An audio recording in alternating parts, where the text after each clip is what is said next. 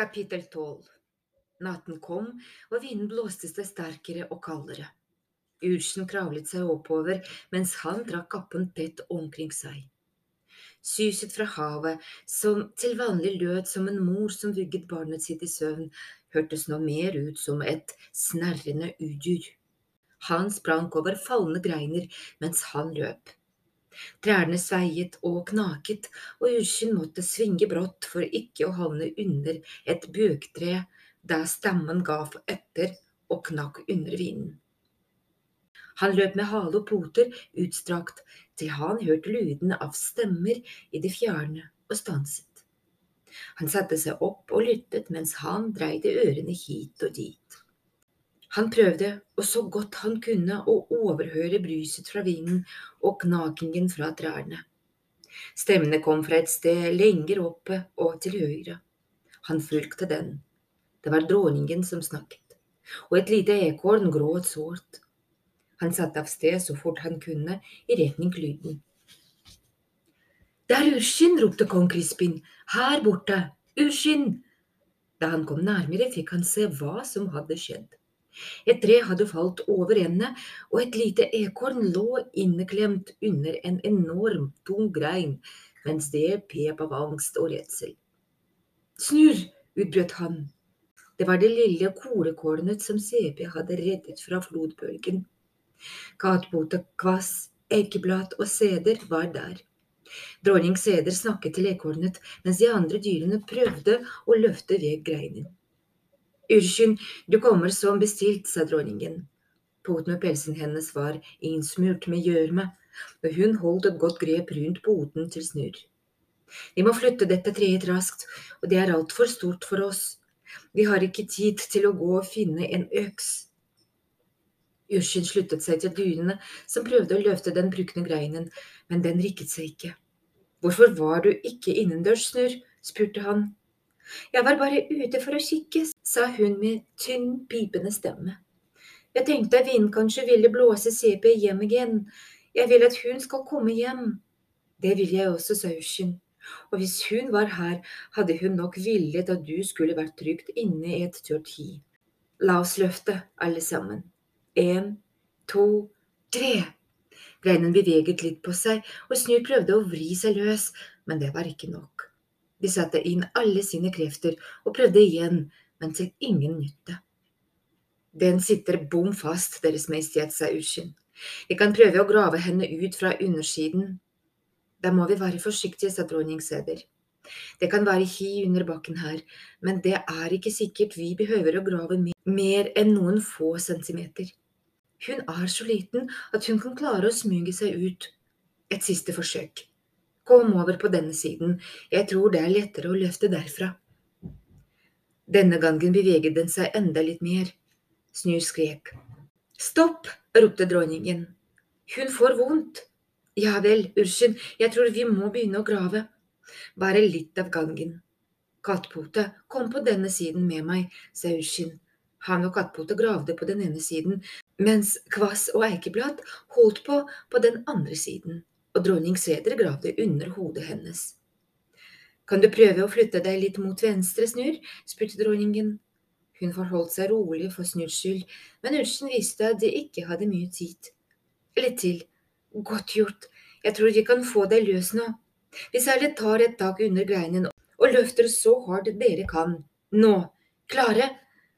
Ekornene heiste greinen oppover med alt de kunne. Den var for tung til å løfte mer enn noen få centimeter, men det gav Seder den plassen hun trengte til å få potene sine under skuldrene til Snurr og dra henne opp. Hun er ikke løs ennå, sa Seder, men hun beveger på seg. Hold greinen oppe. Snurr sparket ifra mot bakken og prøvde å tjue seg ut. Pelsen til Lushin var våt av svette, og det verket i skuldrene. Potene til Kattpote skalv. Pust dypt, kattpote, gispet han. Og hun er ute! ropte dronningen triumferende idet Snur endelig klarte å vri seg løs. Godt gjort, alle sammen! Greinen gikk i bakken med et raslende brak, og dronningen hjalp Snur med å reise seg mens hun børstet støv og kvister ut av pelsen hennes. Alle sammen til hiene! Nå! Snur, ta poten min. Å, pep Snurr. Dronningen grep etter poten hennes, men det var for sent. Snur hadde forsvunnet. Bakken gav etter, ropte dronningen. Au! ropte Snur fra et sted der nede. Å, sa en liten stemme. Hei! Firtel og Au hadde ingen anelse om at lekeslottet deres hadde rast sammen bak dem. Etter å ha vandret lenge under jorden og spist mark og gått seg bort, hadde de funnet et koselig lite hi. Det lå til og med sengetøy der. De hadde funnet noen kjeks der også, men de så gamle og ikke noe særlig gode ut. Og de var enige om at de heller ville ha ferske saksdyr enn tørre, gamle kjeks. De spiste biller til kvelds, og Firte lurte på om de skulle gå videre eller slå seg til der for natten. Det så koselig nok ut. Hun hadde akkurat bestemt seg for å lage et mykt rede til Au av sengetøyt og fortelle ham et eventyr, der Snurr kom deisende ned gjennom taket. Kirstel så opp og fikk øye på de bekymrende ansiktene som tittet ned på dem. Det var en dameekorn der, hun var skitten i ansiktet, men hun så snill ut, akkurat som en mamma, og Firtel kjente plutselig hvor mye hun lengtet etter sin egen mor. Hun hadde ikke savnet henne før nå, men plutselig var det som om mange dagens savn veltet over henne på en gang. Det ser ut som et av skjulestedene til Linti, sa Urskinn. Seder slapp seg ned hit. Jeg er dronning Seder, sa hun. Er det du som er Firtel? Ja, svarte Firtel. Og dette er lillebroren min Spirtel. Vi kaller ham bare Au. Og vi vil til mamma. Så brast begge to i gråt. Først stille, men snart begynte de å vræle. Bli med oss, så skal vi finne henne, sa dronning mildt. Hun løftet opp først et tårevått pinnsvin, og så det andre, og puttet dem i armene på Urkin og Kattpote, som sto klare til å ta imot. Til slutt hjalp hun Snurr å komme seg opp. Eikeblad, gi meg en pote, vil du? Akkurat i tide, hvisket hun. Etter at treet falt, kunne hele hiet ha rast sammen. La oss få dem i sikkerhet litt kvikt, og hold godt fast i potene deres så de ikke blir borte igjen. Eikeblad løper for veien. Finn en budbærer og la alle få vite at de er funnet. Be dem se etter letemannskapene. Hun bøyde seg over Snurr. Er du skadet, kjære deg? Jeg kan gå selv, sa hun, men et plutselig vindkast blåste henne nesten over ende. Urskinn tok av seg kappen og pakket den rundt henne. Vinden skar som kniver i pelsen hans og gjorde ham kaldt inn til beinet. Han strakte seg nede hit, fant sengeteppene og pakket dem rundt og Au. Så bøyde de hodet mot vinden og kjempet seg oppover, dronningen og Kvast med hvert sitt pinnsvin i armene og Urskinn med snurr på ryggen. Da de nådde frem til tilfluktshiene, hadde nyheten om at Firtel og Ao var funnet allerede, nådd frem til dyrene der. Det var tent lykter utenfor alle inngangene for å ønske dem velkommen. Poter strakte seg frem for å ta imot dem. Det var sendt bud etter foreldrene til Firtel og en liten flokk av små ekornpiker kom løpende for å ta imot Snurr. Hold et lite øye med henne, Kattpota, sa dronningen. Vi har allerede måttet redde henne to ganger. Det benner godt på peisen der inne, sa Kvas. Ushin, kom inn og varm deg. Jeg kommer straks, svarte Ushin. Vin var nådeløs, men han orket ikke all det oppstemte pratet der inne akkurat nå. Tåkemanteldyr kunne lage en fest av alt, selv om de satt klemt sammen i et trangt hi i en åside midt i en katastrofe hadde de begynt å synge. Snart vil det komme frem varme, krydrede drikker, og noen ville finne rips til firtel og au.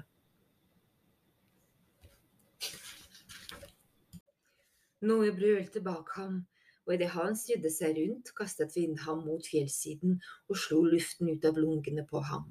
Den andre bølgen. Sjøen brølte, vellet opp og reiste seg. Det var som om noe hadde egget bølgene til raseri, så de reiste seg på bakbeina for å kaste seg over øya og knuse den. Den andre bølgen rullet over trær, stein og mose. Vannet ble til rasende skum som strømmet høyere og høyere opp, overstrømte hi og bøyde trær mot bakken. Det var som om hele øya var i ferd med å bli slukt av havet foran øynene på ham. Bak seg kunne han høre dyrene som lo, sang, omfavnet hverandre og sendte varme drikker rundt. Regnet pisket ham i ansiktet, og han trakk hetten ned i pannen. Ushin, ropte en stemme. Her inne. Einer, utbrøt Ushin. Hvordan kom du deg hit? Vi har satt tyttebær under ekstra streng bevåkning, og kongen sa vi skulle komme ned hit. Urskin, du har gjort nok for i dag. Kom deg inn nå. Einar tok armen hans og dro ham med seg inn i et enkelt nakenkammer som var gravd ut i åssiden. I samme øyeblikk ble det helt stille rundt ham. Noen få vokslys brant i rommet, og sakte, men sikkert slo Urskins hjerte seg til ro.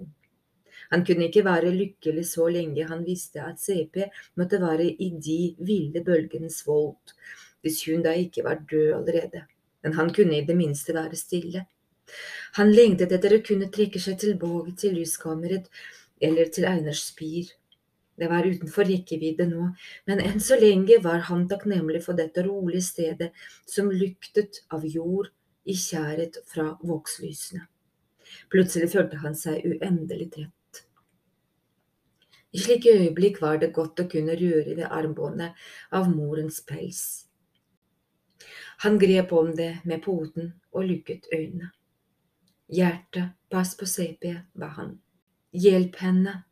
Han tenkte på foreldrene sine, på faren som hadde blitt drept før Ursyn ble født, og moren som hadde dødd under fødselen. Kan dere se henne? Mamma, pappa, kan dere se henne? Kan dere hjelpe henne? Mamma, vil du passe på henne? Sang nådde ørene hans, og han begravde ansiktet i potene. Det var en av sangene til CP og han holdt nesten ikke ut å høre den. Han var glad da den var over, men lyden av poter fortalte ham at de hadde selskap. Han ville ikke snakke, men så pliktskyldig opp. Det var bare Eple, fostermoren hans. Den velkjente stemmen, ganglaget hennes og den grønne kappen beroliget ham. Jeg tenkte nok bror Einar hadde funnet et koselig, stilig sted til deg, og jeg hadde rett for det har han, sa hun og satte seg ned ved siden av ham mens han pakket kappen tett omkring seg. Jeg begynner å bli for gammel for all denne flyttingen, Urskin. Jeg mener vi har det hyggelig der inne, med sang og allting, men åh, jeg vet ikke hvordan hiene våre vil se ut når dette er over. Hvis det noen gang tar slutt, man kan jo lure. Og den der lille snur, vet du hva hun sier? Hun sier at hun vil at alle skal synge for CP når hun kommer hjem. Og prinsesse Kattpote sier hun skal organisere det hele, og alle de små kordyrene vil synge for henne for å ønske henne velkommen hjem. Ursen svarte ikke, og hun fortsatte. Hun vil komme hjem, vet du, din CP. Hun vil komme tilbake.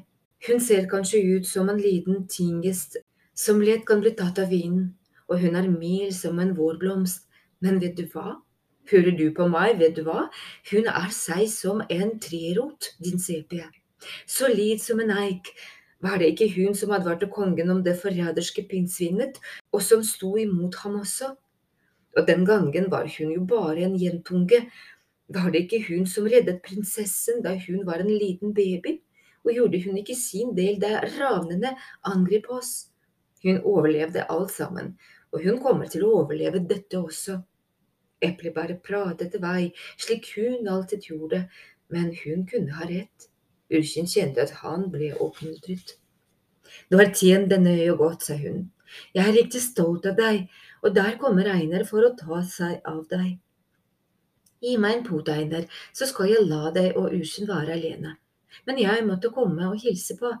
Takk skal du ha, Einer. Bror Einer, burde jeg vel si. Og så vagget hun bort. Jeg vil ikke gi deg falske forhåpninger, sa Einer, men jeg tror at eplet har rett. CP er i livet.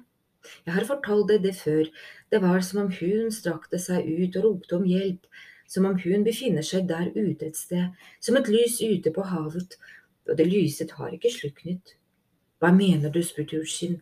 Det er vanskelig å forklare, svarte Einer, men jeg tilbrakte mye tid sammen med CP da hun hjalp til med å stelle bror Edelgran, og jeg har en fornemmelse for ånden hennes, akkurat som jeg har en fornemmelse for din. CPs ånd er omgitt av lys, og jeg kan fortsatt føle den, jeg tror jeg ville kjent tomrommet etter henne hvis hun ikke lenger fantes. Hun vil kanskje aldri komme hjem, sa Urskin. Kanskje ikke, medga Feiner. Jeg skulle ønske vi visste noe, sa Urskin. Jeg har ikke hørt noen ting fra Korp. Jeg vet det, sa Einer. Det er vanskelig, men jeg tror likevel hun er i livet.